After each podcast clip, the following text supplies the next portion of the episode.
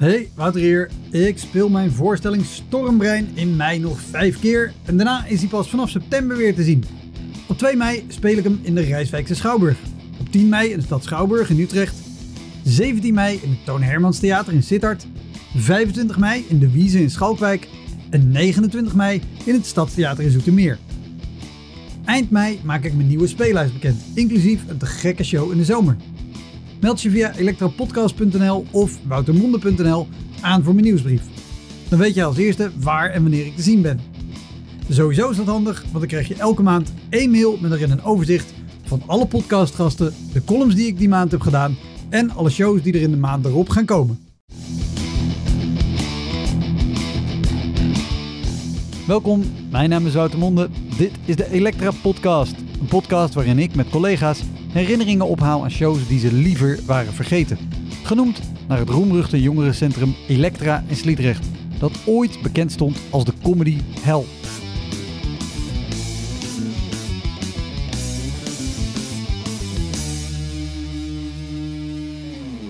Deze keer te gast is Risa Tisserand. Ik kan je vertellen, er zijn heel veel slechte locaties om comedy te doen. Maar overdag in een open snackbar, dat was echt de aller, slechtste plek waar ik ooit heb gestaan om comedy te doen.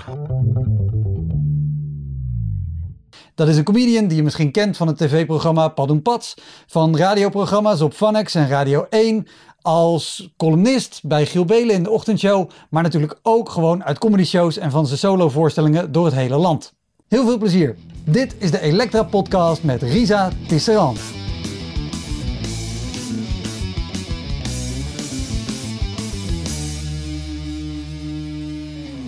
Ik checkte net jouw Wikipedia en zag ik, jij bent op 12-jarige leeftijd al begonnen als, als rapper. Ja, dat klopt.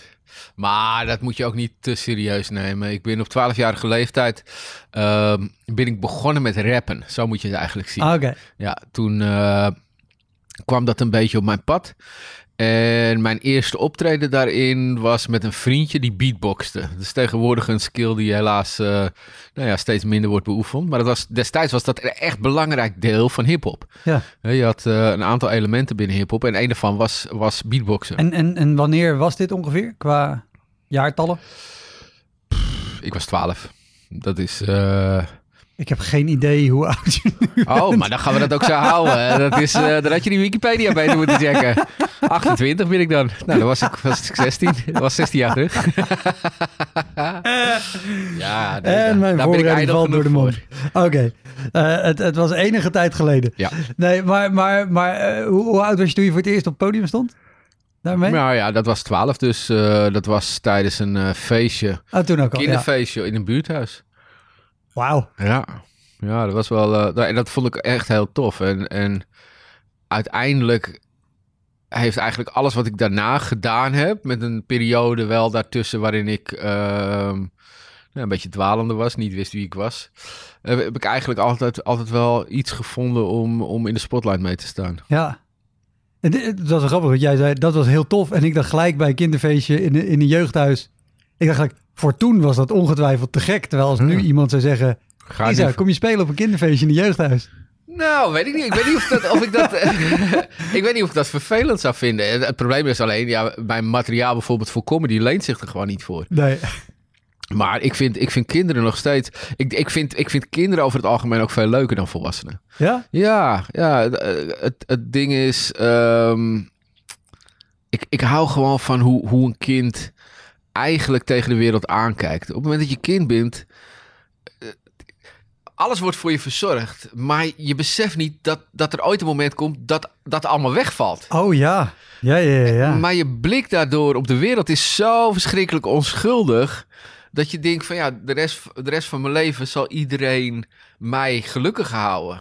En dan op een gegeven moment word je losgelaten. En dan denk je, what the fuck? Wie, wie, heeft mij al die jaren voor zitten liegen? En waarom? Waarom ben ik hier niet op voorbereid? Dat is denk ik tenminste met, met kinderen. Ik zelf had een wat zwaardere jeugd, dus dat, eh, voor mij valt dat helaas niet. Maar ik, ik, ik, ik, hou, ik hou ervan dat een kind nou ja, ook nog eerlijk is. Een kind is heel eerlijk in zijn uitingen. Ehm, maar op, op, op een onschuldige manier. Ja. Ik bedoel, kijk, eh, als volwassen word je ook eerlijk in je uitingen. Maar dan is het ook, ook wel heel erg om te kwetsen en, En eh, om, om alle negativiteit die je zelf hebt mee, meegemaakt, om dat te projecteren op anderen. En een kind heeft dat niet. Nee, dat is waar. Maar, dat gezegd hebbende, hoe, hoe vind jij shows als er eh, comedy shows waar ook opeens kinderen in de zaal zitten? Ja, dat ligt eraan bij wie het is. Kijk, bij sommige mensen heb ik, heb ik wel het gevoel van, oké, heb je... Ja, bij, bij jezelf vooral. Als jij op het podium Oh, bij staat en, mijzelf? en er zitten kinderen in de zaal. Ja, het standaard, standaard geëikt is dat je er natuurlijk mee gaat fokken. Dat je, dat je expres, expres hele grove grappen gaat zitten maken en zo. En eventjes om die ouders uit die comfortzone te trekken. Maar ik, ik, vind, ik, ik, ik heb er geen last van. Kinderen zijn vaak, kinderen zijn vaak juist heel erg... ehm, ze willen ook heel graag de grap snappen. Ja, Hè? En, en, en dus ze zijn heel erg bereid om mee te lachen. Omdat, ja, dan geef je ze ook een beetje het gevoel van... oh ja, jij bent volwassen genoeg om deze grap te snappen. Dus, dus ik denk dat dat, eh, dat, dat een soort van eh, wisselwerking is die, ik- die ik wel waardeer. Ik, Ja. ik heb er geen last van. Ik heb er nooit, nooit last van gehad. Ik kan me ook niet voorstellen dat iemand er echt last van heeft... als je, als je kinderen in de zaal hebt. Wel, als er een bepaald percentage van kinderen komt... dat boven het percentage van volwassenen uitstijgt. Dan wordt het heel irritant. Eh, en, ik, en ik was een tijdje terug bij een voorstelling...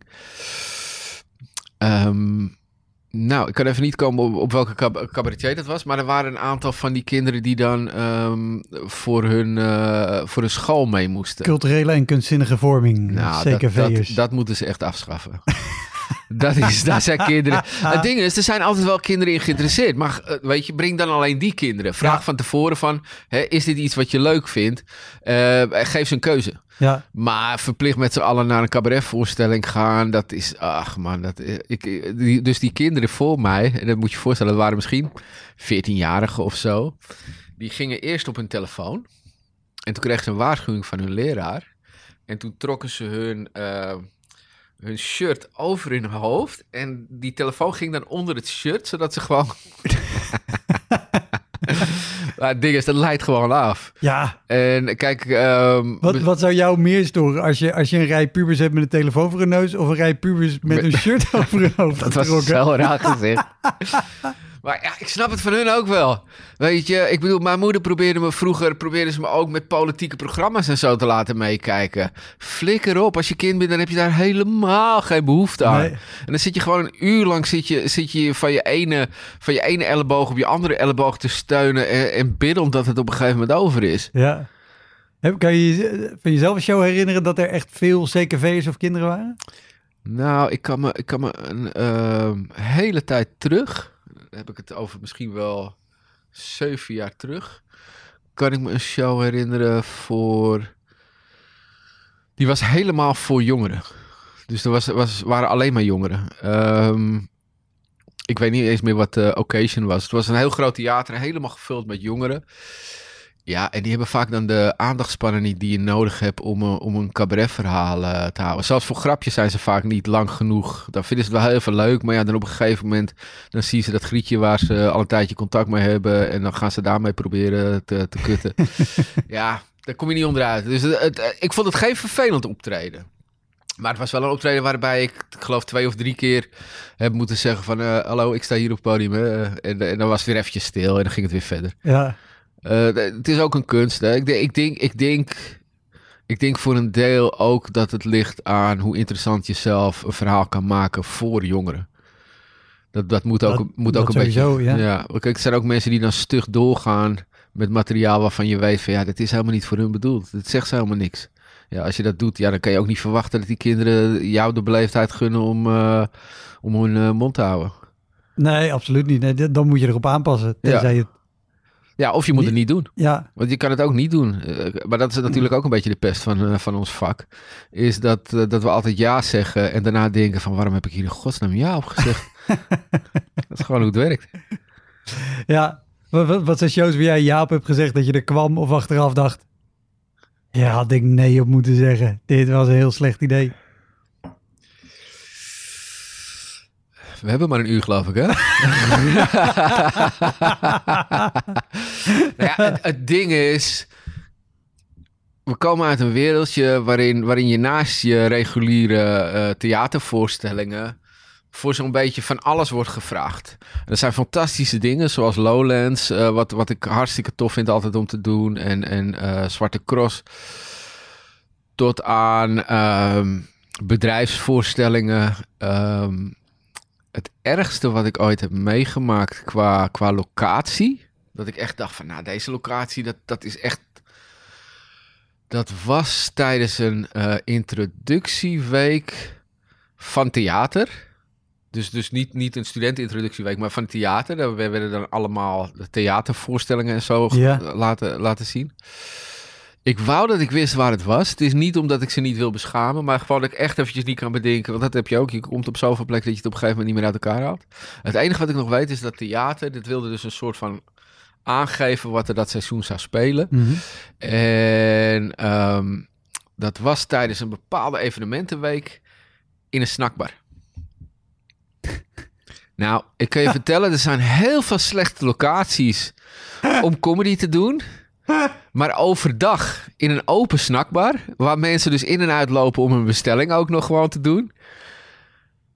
Dat was echt de aller, aller slechtste plek waar ik ooit heb gestaan om comedy te doen. Oh, maar... En dit was vanuit een theater, zei je? Ja, en, en mijn impresariaat had van tevoren aangegeven van... eh, hè, nou ja, er is, er is een... eh, er is een, eh, een, een week lang een introductie van wat het theaterseizoen gaat worden. En je bent daarvoor uitgenodigd, want ze zijn erg enthousiast over je. En nou, ik kan je vertellen, dat is zijn vaak hele leuke weken. Daar halen we ook altijd veel bezoekers vandaan en zo. Nou, niemand in die snackbar, hè? Het is gewoon niemand. En ik heb dan, ik heb gewoon dan de neiging om het dan toch te doen. Een beetje uit baldadigheid, zo van, nou ja, weet je, kijken of ik het kan. Ja. Een beetje omdat, ja, ik heb beloofd te komen. Een beetje omdat er geld eh, wordt geboden. En dat, maar, dus ik ga daar staan. En dan moet je je voorstellen, het is ook echt een, een echte snackbar. Hè? Het is niet, niet een soort van veredeld krank café of zo. Nee, het is gewoon een snackbar. en je kan je zo elke andere snackbar voor de geest halen. Rechts heb je dan de counter. Links heb je dan de, de, de zitplaatsen. Vier tafels met, met mensen. Dus ja, die zitten, zitten naar elkaar toe. Dus de helft van je publiek zit met zijn rug naar je toe. Voor je is die deur waar iedereen door binnenkomt. En tijdens je set word je meerdere malen onderbroken door mensen die verbaasd binnenkomen. Toch rustig doorgaan met hun bestelling van een familiezak patat, drie kaassoufflés en een zak kroketten.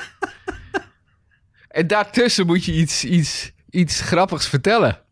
Nou, probeer dat maar eens te overtreffen. Maar dat is dus dat is niet te doen. En Hoe lang heb je daar gespeeld? ik heb daar volle 20 minuten volgemaakt. Wauw. Ja. Nee, maar dan, het, het ding is, dan is het me ook met de, eer te na. Ik, ik heb heel lang in een snackbar gewerkt. Dat, dat is vijf keer een mandje friet, weet je, Ja. in die tijd. Nee, maar het, het, het ding was ook van, als je er dan eenmaal staat, als je hebt besloten om dat te gaan doen, dan moet je het ook doen. Het vervelende was, bovenop wat ik nu al verteld had, besef ik nu ineens.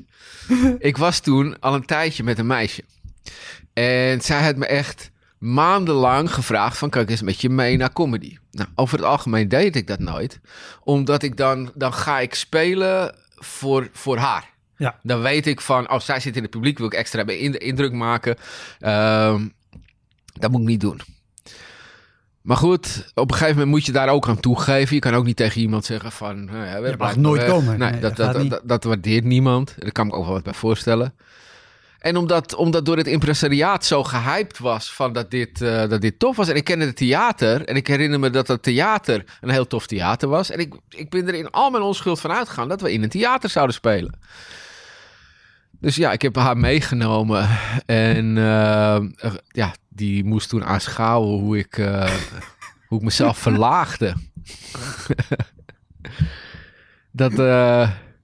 en, en ja, en dan komt daarna komt, en elke, elke comedian kent dat ook, van als je vrienden meeneemt en helemaal als je de eerste keer vriendin, dan komt ook dat obligate.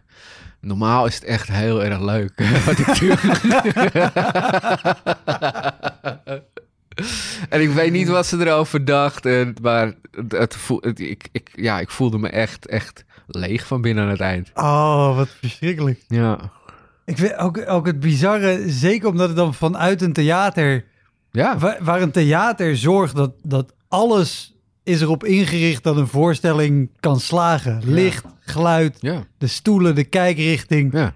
Alles klopt. En dan bedenk je, weet je wat wij doen? Overdag in een snackbar die open is. Let's go! Oh, wat verschrikkelijk. Ja, dat was wel echt. eh, Maar ja, tegelijkertijd, je zou ook niet zonder dat soort optredens willen.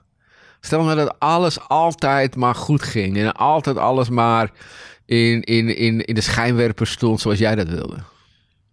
Nee, ja, ik, ik- Ik, ik zeg je eerlijk, ehm, je komt heel wat tegen onderweg ehm, qua comedy optredens, maar er is er eigenlijk geen eentje die ik, die ik achteraf niet had willen doen. Ook omdat je van de meest ellendige optredens het meeste leert. Dat is heel kut, maar dat is wel hoe het werkt. En wat, wat is de belangrijkste les die jij hebt geleerd van, van, van bijvoorbeeld een snackbar? Nou, behalve dat je nooit in een snackbar moet optreden. Nou, het, het, het ding is dat, ehm, dat, dat ik daar een les gebruikte die ik al een tijdje kende. Is dat als, als het materiaal niet werkt, ga dan over op de situatie. Praat over de situatie zoals die is en maak daar comedy van.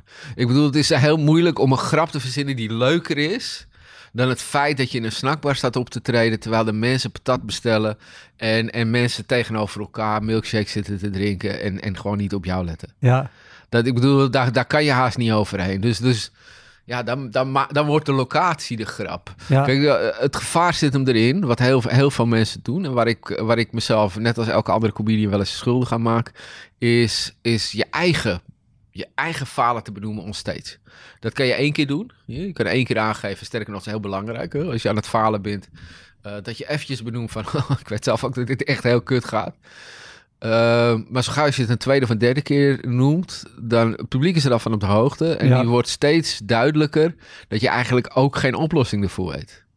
Nee, je, je graaft jezelf alleen maar dieper Ja. het gat in. Ja, dus, dus ja, dan is het gewoon één keer benoemen en daarna je bek houden. Dus dat doe ik niet. Tenminste, dat probeer ik niet te doen. Eh, maar je mag natuurlijk wel de situatie benoemen zoals die is.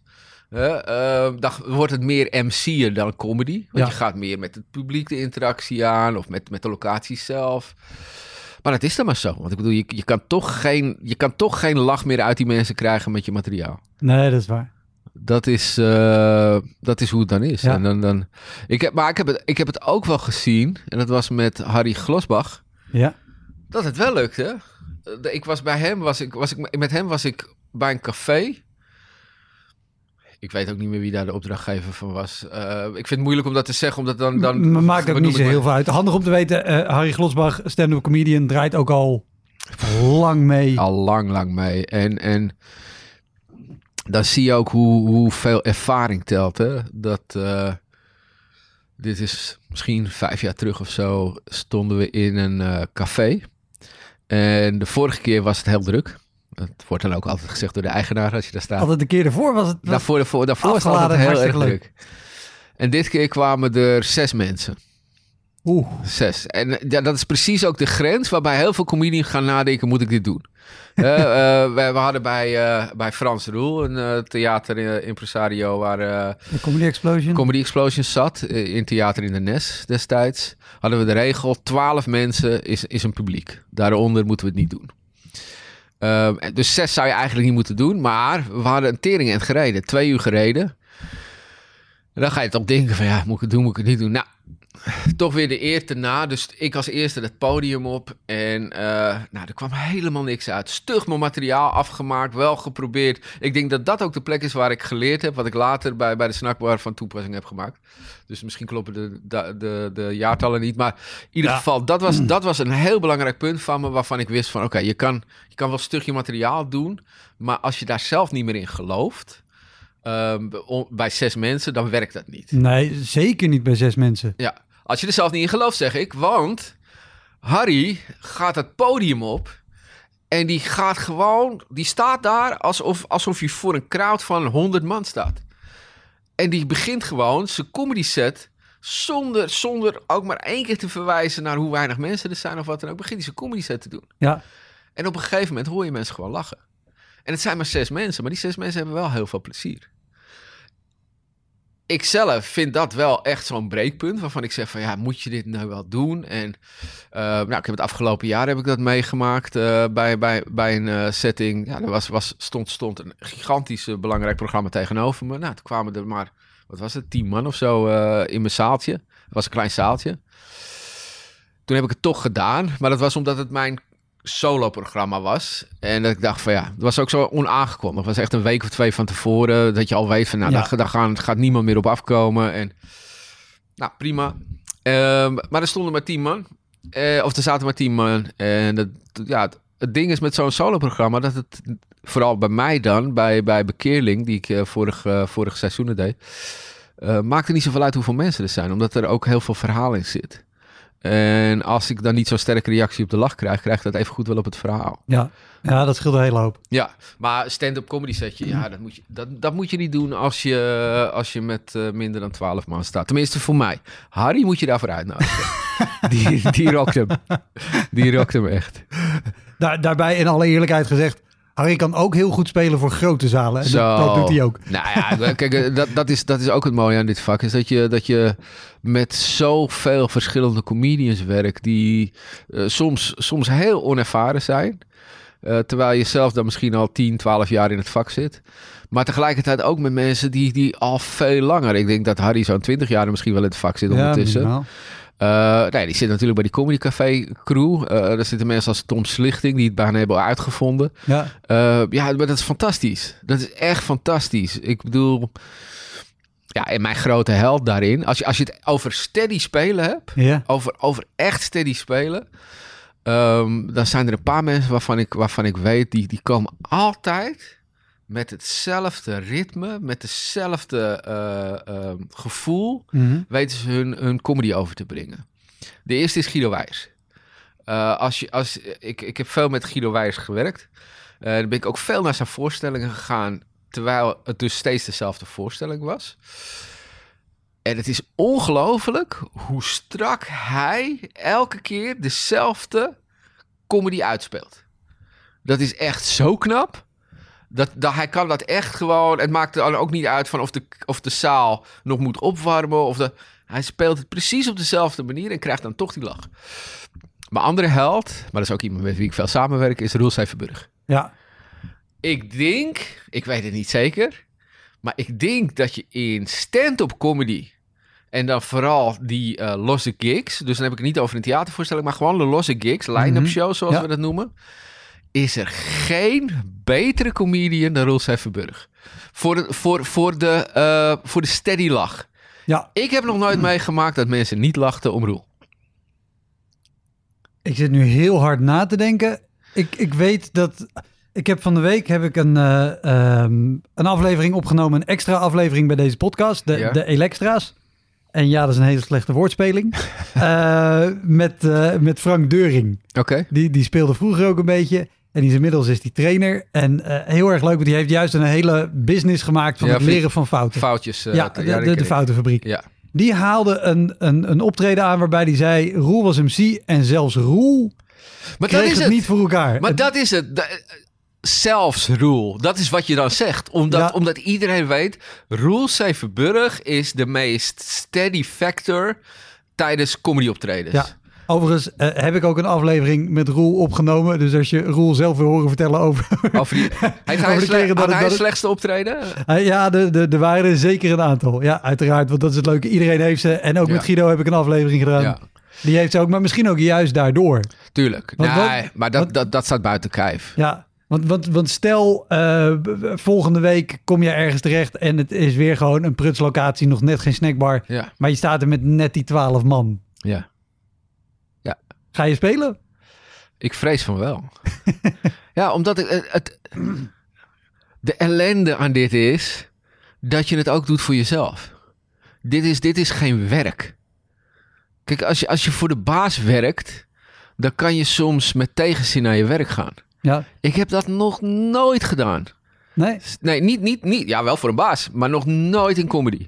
Ik ben nog nooit met, met tegenzin naar, naar een, naar een En, en ook podium nooit, gegaan. nooit ergens aangekomen dat je dacht, oeh, Ja. moet, moet, Vaak genoeg. vaak.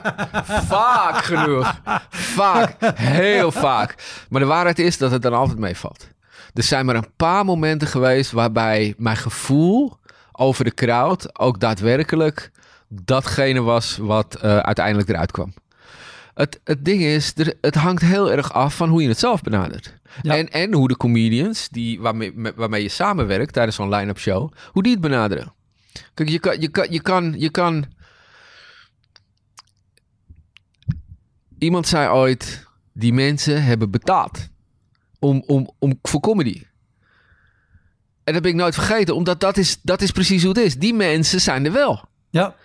Dus dan kan je wel gaan lopen klagen over de mensen die er niet zijn, maar die horen er niet. Oh, dat, dat, dat sowieso. Dat, maar dat heb ik ook altijd als je voor een klein publiek speelt. En zeker bij de Explosion, waar ik ook veel heb gespeeld. En Ja. ook de shows. Nou ja, dan waren er net aan 13 mensen. Ja, Dus dan was, was je half blij dat je kon spelen, half teleurgesteld dat je moest gaan spelen Ja. voor met 13 man. Maar daar wel ook echt, ja, maar deze 13 mensen zijn er. Het heeft geen enkele reden om te gaan bitchen dat er te weinig mensen zijn. Want maar deze het probleem mensen is wel zijn- dat heel veel comedians dat doen. Het is een hele grote valkuil. Ja, en dan, en dan verpest je eigenlijk de sfeer. Want dan, dan, zeker als iemand dat in het begin doet, dan heeft het publiek ook zoiets van, ja, we hadden ook moeten thuis blijven. Ja, En dan, ja, dat trek je heel moeilijk recht. Terwijl als, als de comedians en de MC... Kijk, jij bent een goede MC. Ik heb je heel Dank vaak gezien MC'en. Eh ik heb, vind sowieso dat je heel erg gegroeid bent als comedian. Maar ehm, wil je hier een tikkie voor of gewoon cash? nee, nee, nee, nee, dat is onder de tafel. Dus ehm, voor mij... Jij, jij weet dat ook bij een kleine crowd... dan moet je het intiemer maken. Dan moet je zeggen van... Hey, we gaan hier iets beleven wat, wat, wat niemand anders beleeft dan deze twaalf mensen hier. ja, dan, moet je, dan, dan maak je Ja, het intiem. Dan zeg je, dan zeg je van... Hey, vanavond gaan er dingen gebeuren... die nooit iemand anders meer ziet. En jij was erbij. Jij zegt dat soort dingen. Ja. En op dat moment verandert de hele attitude van de zaal. Want die beseffen in één keer van... dit is een familiefeestje. Ik ben niet langer meer in het theater. Ik ben deel van, van, van een geheim. Van iets bijzonders, ja. Ja. En, en als je dat aan, aan, aan een publiek aangeeft... als je gewoon zegt van ja... wij hadden ook gewild dat er meer mensen waren... maar de mensen die er zijn... Daar dat maken zijn- we een feestje mee. ja, hè? dat zijn de mensen die we juist wilden hebben. Ja. Heb je wel eens trouwens op een familiefeest gespeeld of een huwelijk of dat soort dingen? Eh, goeie vraag. Volgens mij niet. Nee. Oké. Nee, nee. Dit zou, zou, dat zou ook een van de weinige... Familiefeest zou wel echt een van de weinige dingen zijn... waarvan ik vermoed dat ik dat nee op zou zeggen. Omdat dan zit je in een, in een te gesloten cirkel. Ja. Mensen moeten een bepaalde eh, afstand tot elkaar voelen. Eh, niet veel, hè, want je moet ook een gezelschap vormen. Maar er moet genoeg afstand tussen zitten... om niet met elkaar de hele tijd te gaan ouwehoeren. En niet, niet, niet één soort Nee, precies. eh, homogene massa te worden tegenover de comedian. Want dat, dat kan je natuurlijk ook wel hebben als je ergens eh, in den landen komt. En Ja. je komt gewoon in een eh, klein kroegje waar eens een keer een Ja, maar dat is dan weer leuk. Wat jij, waar, je- waar jij op doelt, is dat iedereen elkaar kent. Ja. Dat is niet erg. Dat iedereen elkaar kent, is niet erg. Eh, het is pas erg op het moment dat ze een soort van pact hebben gesloten. Ja, Wanneer- ja dat, dat, is ook waar ik op doel. Oh, oké. Ja, Wat- nee, dat is, dat, dat is nooit, nooit, nooit fijn, omdat dan moet je door dat pact heen zien te breken. Tenzij, en dat doet iedereen, tenzij je er eentje kan vinden waarvan iedereen weet van die is altijd de lul. Als je, je moet er eentje vinden die, die iedereen altijd afzeikt. Ja. En dan ga je daar lekker in mee. Nou, dan, eh, dan, dan heb je ze ook. Maar het is niet, ja, het is niet de meest leuke vorm van, eh, van comedy maken. Omdat ja, je hebt die groep steeds. Er, er zit een groepsdynamiek waarin ze eigenlijk vooral bezig zijn met elkaars reactie te peilen. In plaats van eh, lekker, lekker zichzelf te kunnen zijn. Ja. En heb je wel shows gedaan waar, waar inderdaad zo'n groep is, maar waarbij je niet die ene persoon kan vinden? Of überhaupt zij een er pak is zijn en je altijd niet... wel eentje. en anders, anders creëer je er eentje.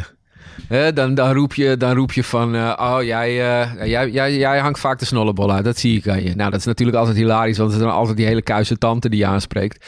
Eh, dan creëer je iemand. Maar, maar meestal kom je er al snel achter, hoor. Als, als, als ze dan, het, het ding is ook een beetje dat, dat die mensen die een beetje buiten de groep vallen... En laat me daar duidelijk over zijn. Ik vind dat vaak de leukste mensen die net even buiten de groep vallen. Maar dat zijn ook de mensen die dan ja, net even een opmerking laten vallen... of net iets doen waarvan waarvan je ziet dat is ongepast of dat, dat, dat is. Ja. En dan weet je, oh ja, dat is degene binnen de groep die iedereen dan accepteert. Ja. Eh, een andere show waar ik aan moest denken, en door de Comedy Explosion en door de snacks, was ehm, de befaamde bitterballen gig. Oh, die heb ik. eh, oh, je bedoelt. Waar, waar, oh ja, waar was dat ook? Was dat bij Al van der Rijn? Dat was Al van der Rijn. Ja, ook, wat erg hè, dat je het kan noemen en dat ik gewoon weet waar het is. De bitterballen gig. Al van der Rijn, ehm, dubbel. Ehm, voor wie het niet kende, en dat zullen er heel veel zijn. Al van der Rijn heeft een tof theater. Is het Castellum heet het? ja, Theater Castellum, heel mooi theater. Ehm, maar ze hadden, ik weet niet of ze dat nog steeds hebben, eh, zondagmiddagshows. En die zondagmiddagshow, die was dan in een soort van aula-achtige omgeving. eh, die aansluiting had aan de keuken. Waar eh, links van je hele grote open ramen stonden. En met open bedoel ik zonder, eh, zonder lichtafscherming. Sterker nog, je keek uit op de Rijn, Ja. waar, waar Alve aan Ja. de Rijn naar genoemd is. Waar je ook heel erg naar verlangde om in te springen als het misging. nee, want het, het, het ding was, ja, het, dat is het dubbele. Het, het is een locatie waar je gewoon niet alles uithaalde. Eh, omdat, omdat, kijk, als je comedy doet, dan heb je bepaalde omstandigheden nodig om het maximale eruit te halen. Ja. Dat is onder andere een, een, een verduisterde zaal.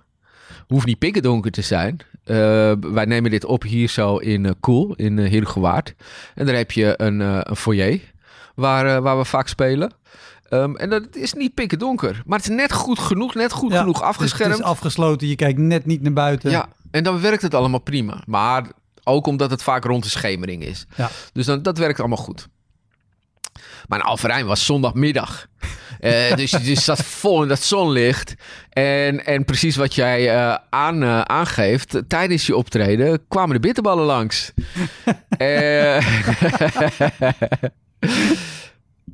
Maar het werkte, het werkte tot op een bepaalde hoogte. Er werd altijd wel gelachen, maar Ja. nooit zoveel als dat je wist dat er gelachen kon worden, als het wel een normale setting was.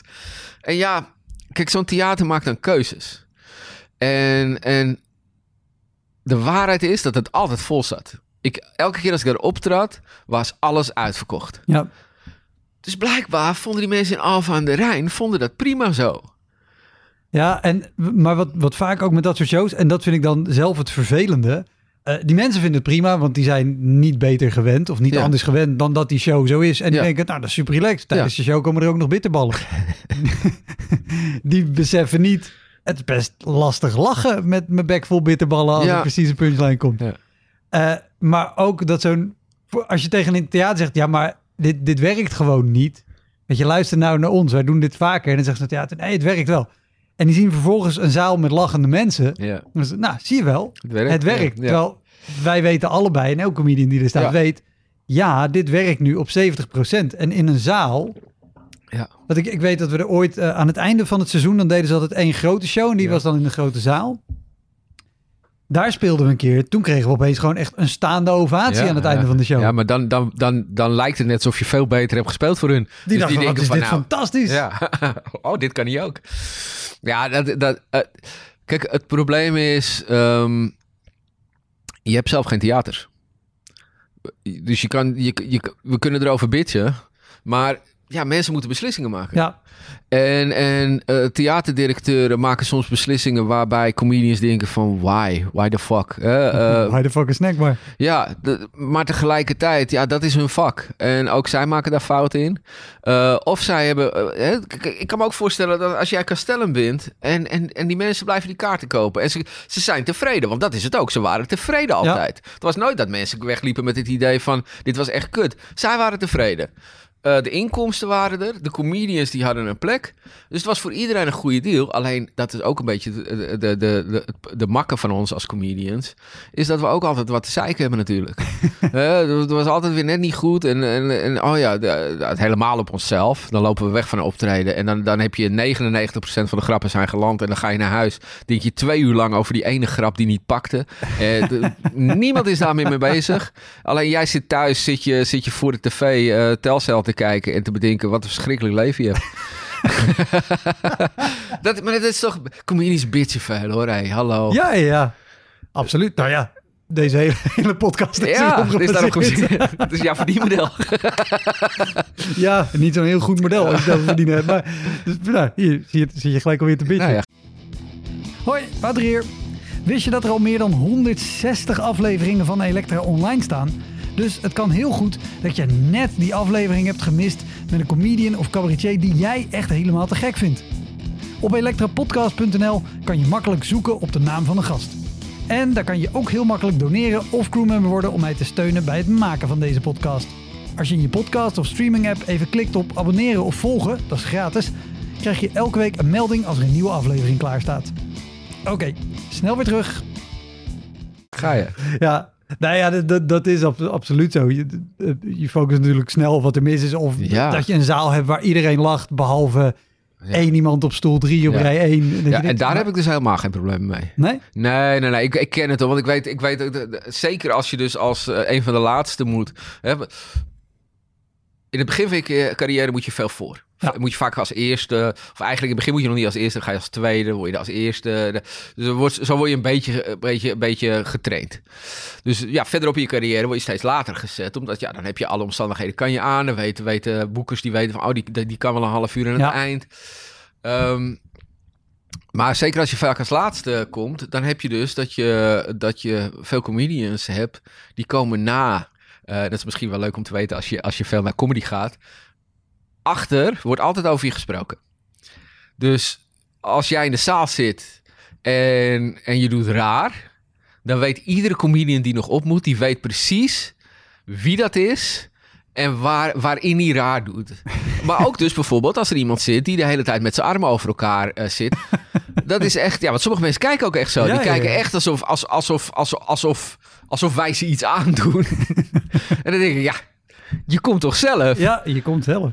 Eh, dat is, dat is, dat is, eh, ja, maar dan, dan, dan kan je, ja, je kan daar twee dingen doen. Je kan je daarop focussen. Maar als iedereen, als iedereen weet dat dat, dat, dat is wat het is, ja, dan wat heb ik daar dan aan om naar, daarop te focussen? Ja. Ik, ik ga geen moeite doen om die man nog aan het lachen te maken. Hij heeft al besloten. Hij heeft besloten deze avond is kut. En het kan, het, wat je ook niet moet vergeten, het kan ook zijn. Kijk, ze kopen vaak kaartjes van tevoren. Het kan ook heel goed zijn dat die man wel door een, een of andere ellendige shit heen gaat. En daar, daarmee steeds zijn gedachten worden weggetrokken. Terwijl die ooit van plan was om een hele leuke avond te hebben. Ja, dan kan jij wel als comedian steeds roepen van... ja, eh, het, het is wel de bedoeling dat je lacht hoor. Oh, ik zie dat je je armen weer over elkaar hebt. Maar stel je nou voor dat je daar gaat zitten. Je, je gaat daar zitten om je vriendinnen plezier te doen. Terwijl je zelf heb je net te horen gekregen... dat er de volgende maand uh, massa-ontslagen zijn op je werk. En dan, moet, dan komt er nog eens een keer een comedian... die jou de hele tijd gaat vertellen... ja, je moet wel... eh, eh, doe gewoon je werk. doe gewoon je fucking ja, werk. Ja, ja, ja. Want dat is het. En, en als je er niet mee bezig bent, 9 van de 10 keer komt er een moment dat diegene toch gaat zitten lachen. Want ja, als, als, als, ik, als ik niet in een goed humeur ben en iedereen me daarop wijst, Nou, daar word je niet vrolijk van. nee, daar word ik ook niet vrolijk van. Nee. Als iedereen me maar lekker met rust laat, dan komt er een moment dat ik mijn gedachten een beetje kan ontspannen. En dan kan het zomaar zijn dat ik wel lach. Ja, Dus ja, het is, het is een veelgemaakt eh, ding. eh, omdat, omdat, ja, wat ik al zeg, comedians zijn achterlijk kritisch op zichzelf. Ehm, om, om dan daarmee te gaan zitten, maar daar zit ik eigenlijk nooit mee. ah, oké. Nee, dat is niet, niet iets wat bij mij speelt. Nee. En wel over, over grappen die misschien niet landen. Jij hebt vaak best harde grappen. Hele goede Heel veel, grappen. heel veel maar harde grappen, ja. hele harde grappen. Eh, zeker bijvoorbeeld bij, eh, bij theaters heb je natuurlijk ook, of in een line-up. Eh, of bij theaters waar abonnementhouders een, een voorstelling cadeau Ja, krijgen. ja, of ja. Een, een preview of een weet ik wat. Dan sta je ook wel eens voor een zaal die denkt... ja, absoluut. Hier, eh, wij, wij hadden gehoopt op gewoon leuke liedjes Ja. met een marsje en een, en, en een mooi rijmschema over de hongersnood in Afrika. Ja, ja, dan zie je ze tijdens de voorstelling naar elkaar kijken van dit is, dit is waarom we wel kaarten kopen voor Jochem Meijer. ja, dat is gewoon... Dat is, kijk, je, je, hebt, je hebt comedians die, die er eh, met gestrekt been ingaan. Eh, daar ben ik deel van, vaak. Niet altijd, hè. Want ik, ik, ik heb ook, ik heb ook wel, wel verhalen of comedy waarin, waarin dat veel minder eh, speelt. Eh, ja, je hebt comedians die, die, die dat niet not dan vinden. Die zeggen van ja, die mensen komen voor een, eh, voor een leuke tijd. Ik wil, ik wil dat zoveel mogelijk mensen van mijn comedy genieten. Ik had graag een van die comedies geweest. Want ik denk dat het financieel een eh, veel aantrekkelijker model is. Ja, maar Zou je, zou je er ook gelukkiger van worden?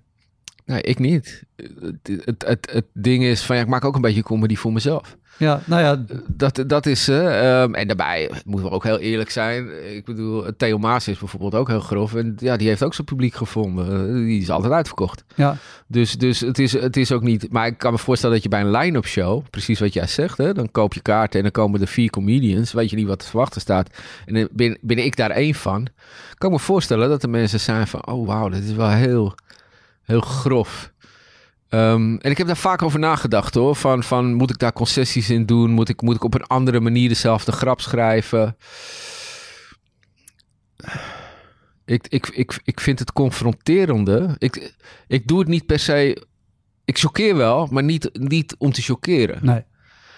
Ik, ik probeer eigenlijk mensen met hun eigen vooroordelen kennis te laten maken.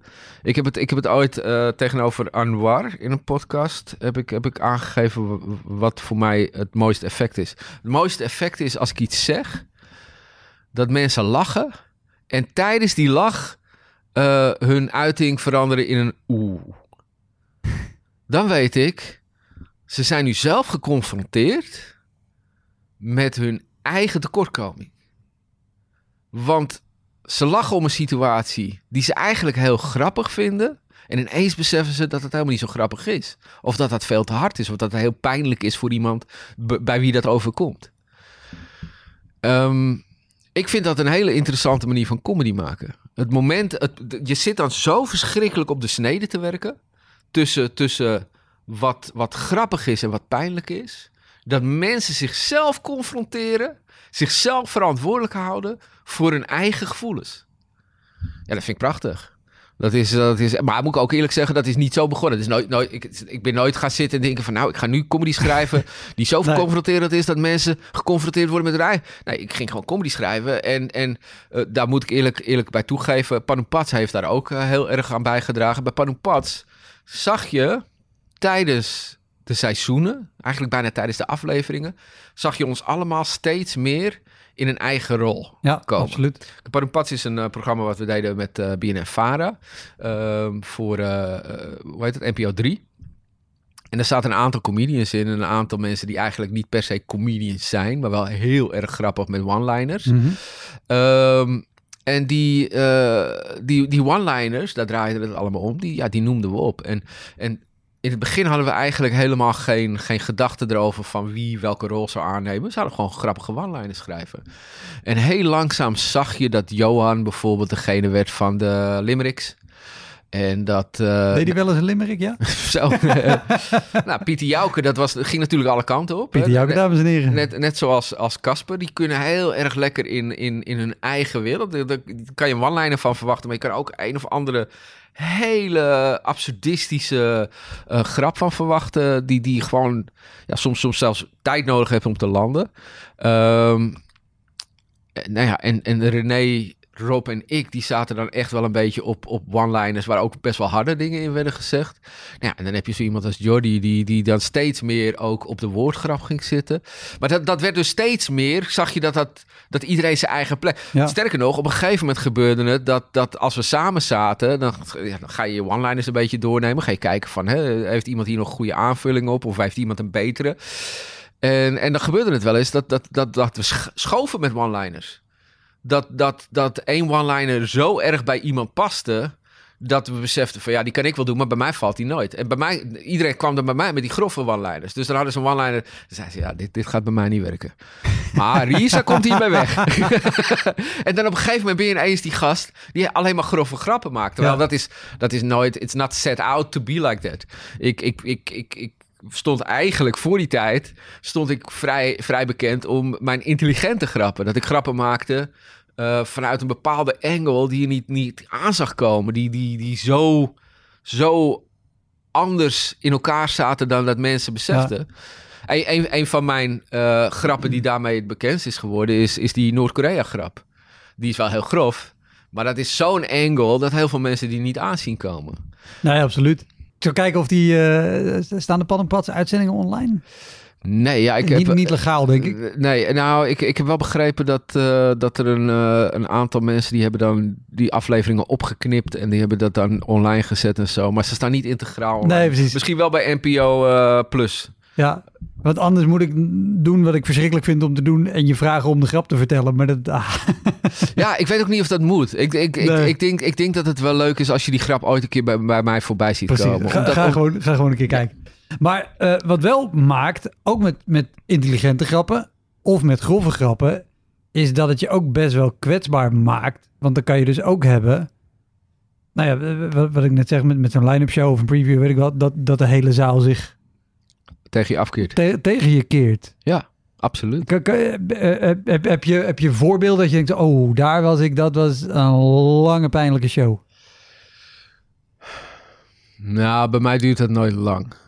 dat is, nee, want dat is, het, het ding is, kijk, ik heb, ik heb in het begin al vroeg geleerd van zorg ervoor dat je eerst jezelf afkraakt. Want dan kunnen mensen veel meer van je hebben. Ja, Eh, en ik, eh, ik, ik was voorheen was ik, eh, was ik veel steviger dan dat ik nu nog ben. Ehm, en, en de eerste tien minuten gingen altijd over, over dik zijn. En, en dus ja, en daarna, weet je, als je jezelf al helemaal tot de grond gelijk hebt gemaakt, dan hebben mensen vaak veel minder moeite met dingen die je zegt over anderen. Als het wel een keer gebeurt, bijvoorbeeld in mijn voorstelling Bekeerling zat een stuk over het Koningshuis. En daarvan merkte ik dat, dat het op een bepaald moment voor sommige mensen te grof werd. ja, En als dat wel gebeurde, dan, dan stopte ik vaak op het moment dat ik dacht van... oké, dit, dit gaat, dit, hier ga ik niks meer uithalen.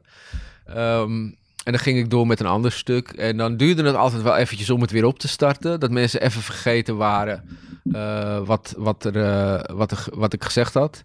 Maar dan uiteindelijk gaan ze er altijd wel in mee. Anders is het bij mij als ik boos word. dat vergeven ze me nooit. gebeurt dat vaak? Nou, het is heel soms. Heel soms gebeurt er iets.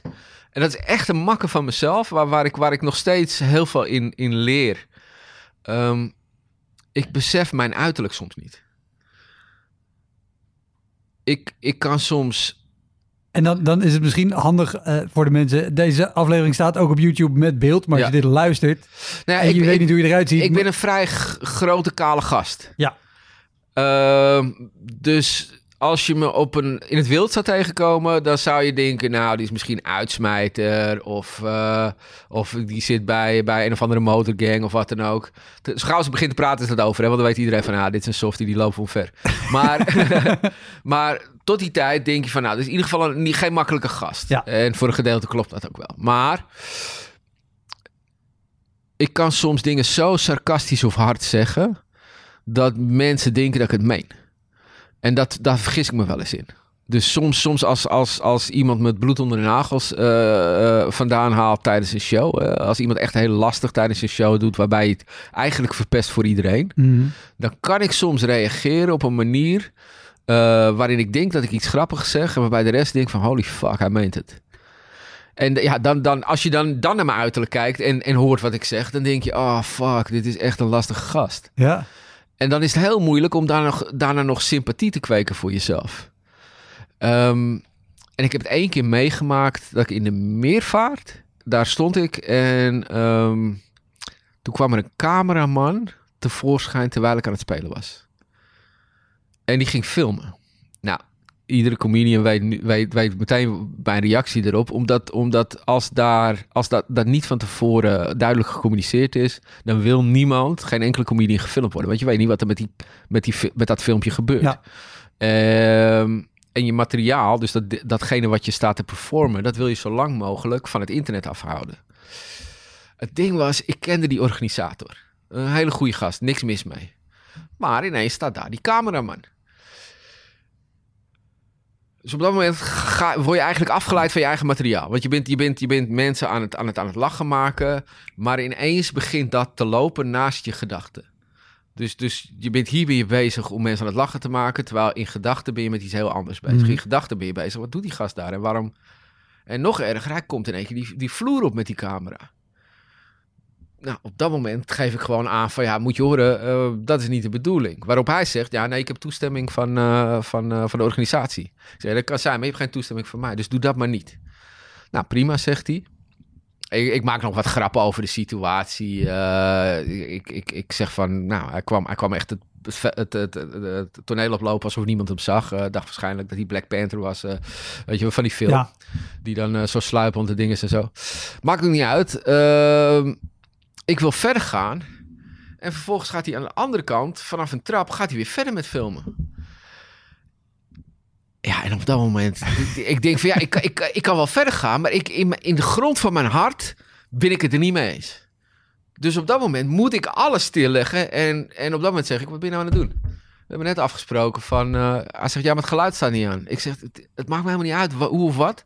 Nee, nee, dat was niet eens. Ik, ik zeg tegen hem, staat het geluid, ik zeg tegen hem, staat het geluid aan? En hij zegt iets waaruit gewoon niet blijkt of het geluid aan of uit staat. Dus ik zeg, gast, kappen nu. Gewoon kappen. Ik heb je net netjes gevraagd. Ik heb er een grapje van proberen te maken, maar dit werkt niet. Want ik, ik, ik, ga, ik ga niet verder met dit.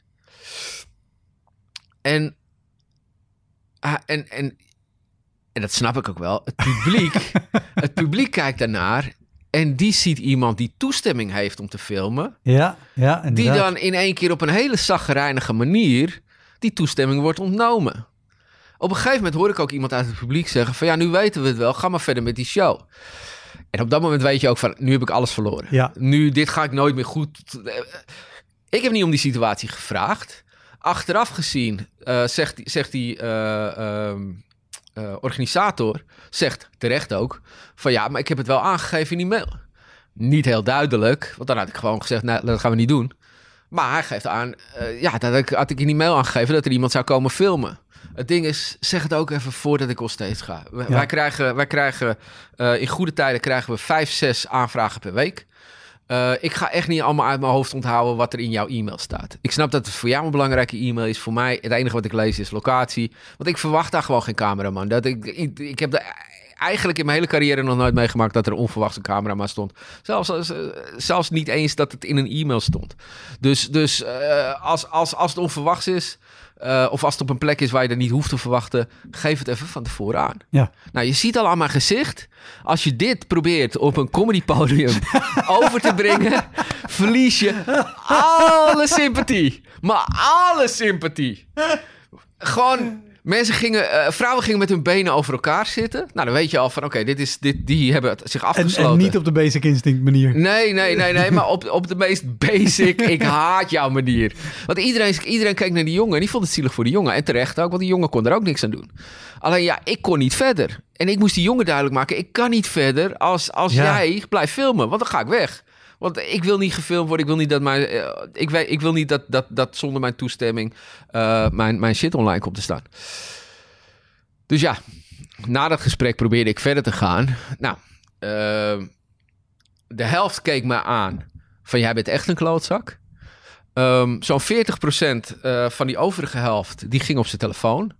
En 10% probeerde nog te lachen.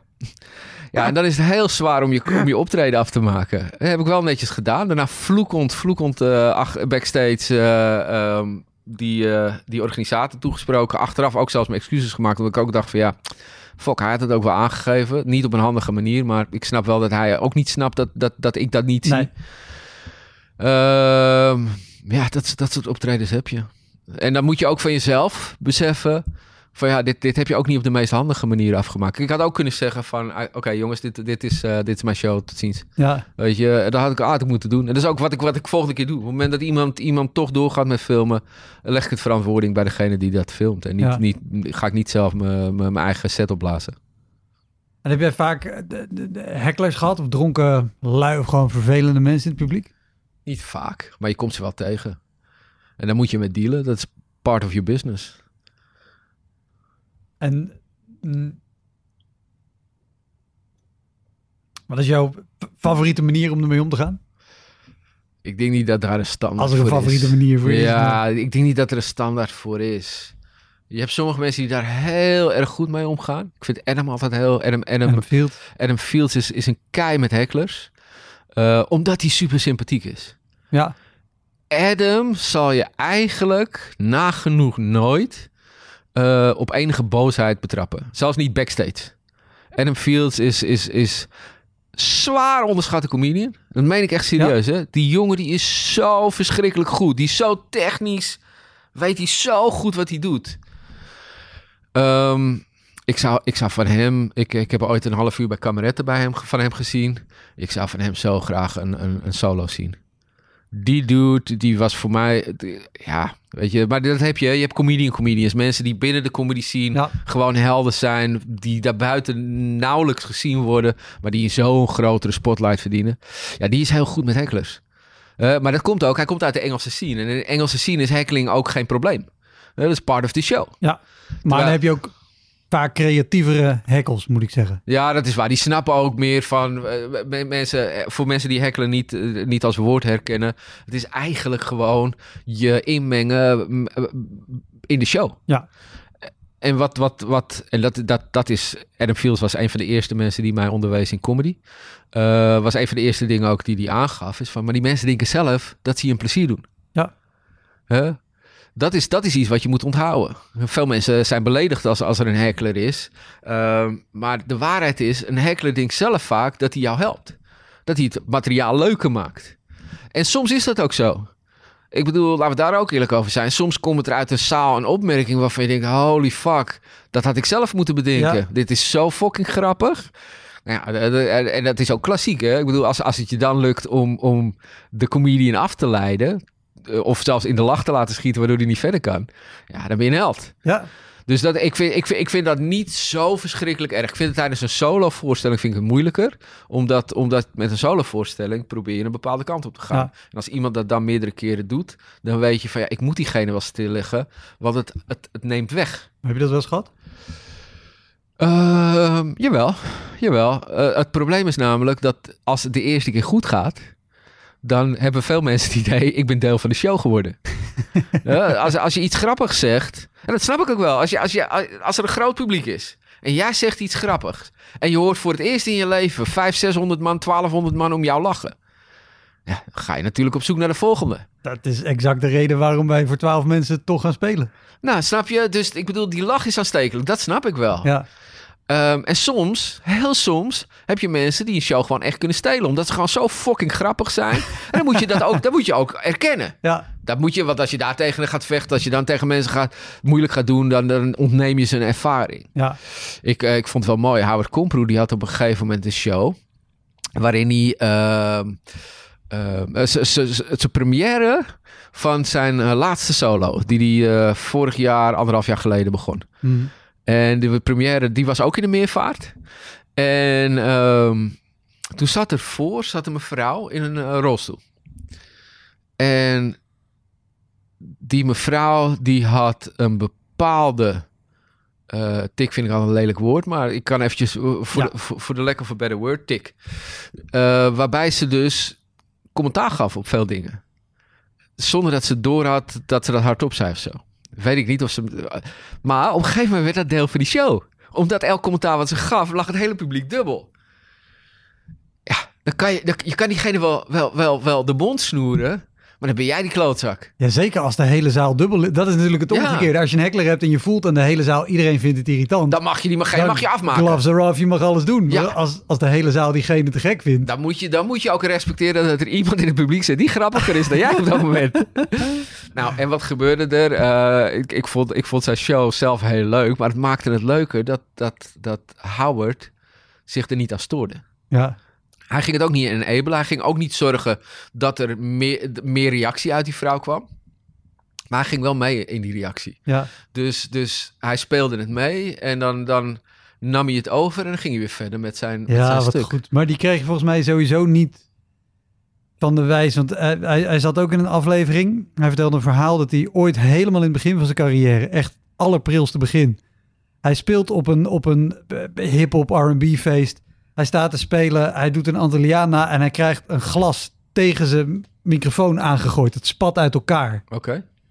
Zijn enige reactie is geïrriteerd kijken waarom de microfoon het niet meer doet. Mm. Niet checken of die geraakt is door het glas wat zojuist op 30 centimeter van zijn hoofd uit elkaar Ja. is geknald. Ja, nee, maar Howard is professional. Absoluut. Howard is heel goed. Ja. Hey, je, je zei al, eh, eh, eh, terugkijkend, er is geen één show die ik niet gedaan zou willen hebben of die ik Ja. gemist zou willen hebben. Ja, 100%. Maar is er één waarvan je denkt, ik zou hem niet gemist willen hebben, maar ik zou met alles wat ik nu weet, zou ik hem wel een keer over willen doen?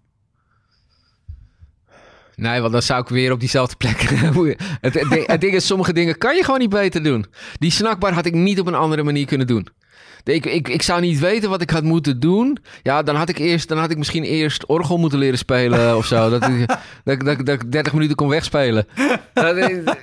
Elke, andere, elke andere manier. Ik, ik, er was geen enkele andere manier om iets uit die show te halen. Niks. Helemaal, dat, dat kon niet. Dat kon niet. Er was ook niet na mij. Ik bedoel, want ik stond er met meerdere mensen. Er was niemand die daar wat uithaalde. Dat kan helemaal niet. Nee. Top man. Dankjewel. Joe. Dat was hem, de Elektra Podcast. Meer informatie over mijn gast van vandaag en linkjes naar van alles en nog wat vind je in de omschrijving van deze aflevering. Er staan ongelooflijk veel afleveringen online van Elektra. En op elektrapodcast.nl kan je makkelijk zoeken op de naam van jouw favoriete comedians en cabaretiers. Je kan daar ook eenmalig doneren of crewmember worden. Als crewmember betaal je maandelijks een klein bedrag, maar dan krijg je ook nog eens bonusmateriaal. Je luistert voortaan zonder onderbrekingen en je krijgt consumptiebonnen die je kan inleveren bij een show van mij. Ik vind het sowieso te gek als je een keer komt kijken bij mij. Dus ga naar woutermonde.nl, daar zie je precies waar en wanneer ik optreed. Of meld je aan voor de nieuwsbrief, dan hou ik je op die manier op de hoogte. En dan nog iets, elke vrijdagmorgen doe ik een column op radiostation Kink. Je kan die column terugluisteren als podcast. Hij heet Kink op de Week en je vindt hem in de app waar je ook deze podcast luistert. Oké, tot de volgende Elektra. Hoi!